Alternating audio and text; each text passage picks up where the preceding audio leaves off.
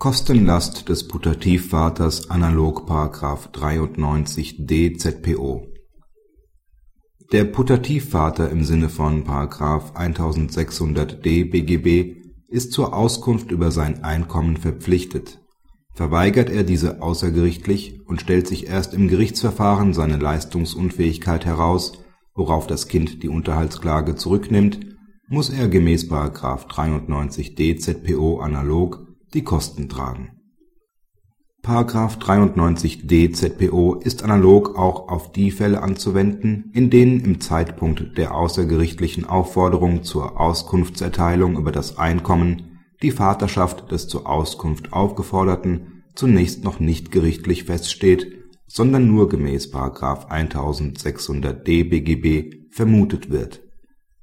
Ist das Kind daraufhin zur Klageerhebung gezwungen weil der Putativvater die Auskunft unterlässt und stellt sich dann im Laufe des Verfahrens nach § 653 ZPO nicht nur die Vaterschaft des Mannes, sondern auch dessen mangelnde Leistungsfähigkeit heraus,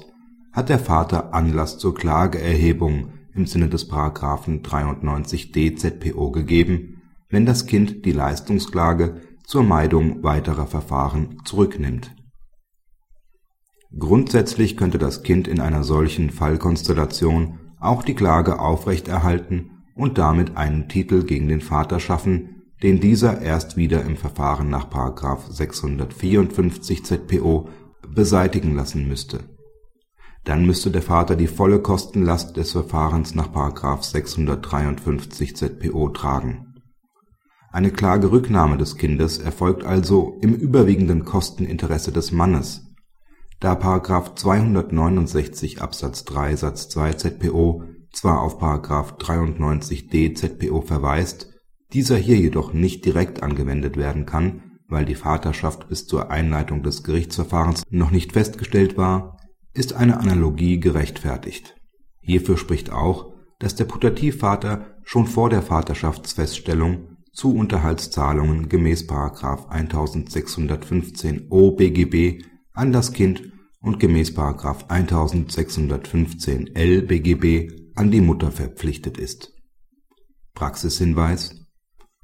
Im Verfahren nach § 653 ZPO kann ausschließlich das Kind einen geringeren Unterhalt als den Mindestunterhalt verlangen. Ansonsten kann eine Herabsetzung, aber auch eine Erhöhung erst im Rahmen des Abänderungsverfahrens nach § 654 ZPO geltend gemacht werden Dabei ist für eine etwaige rückwirkende Geltendmachung der Herabsetzung die Frist des § 654 Absatz 2 ZPO zu berücksichtigen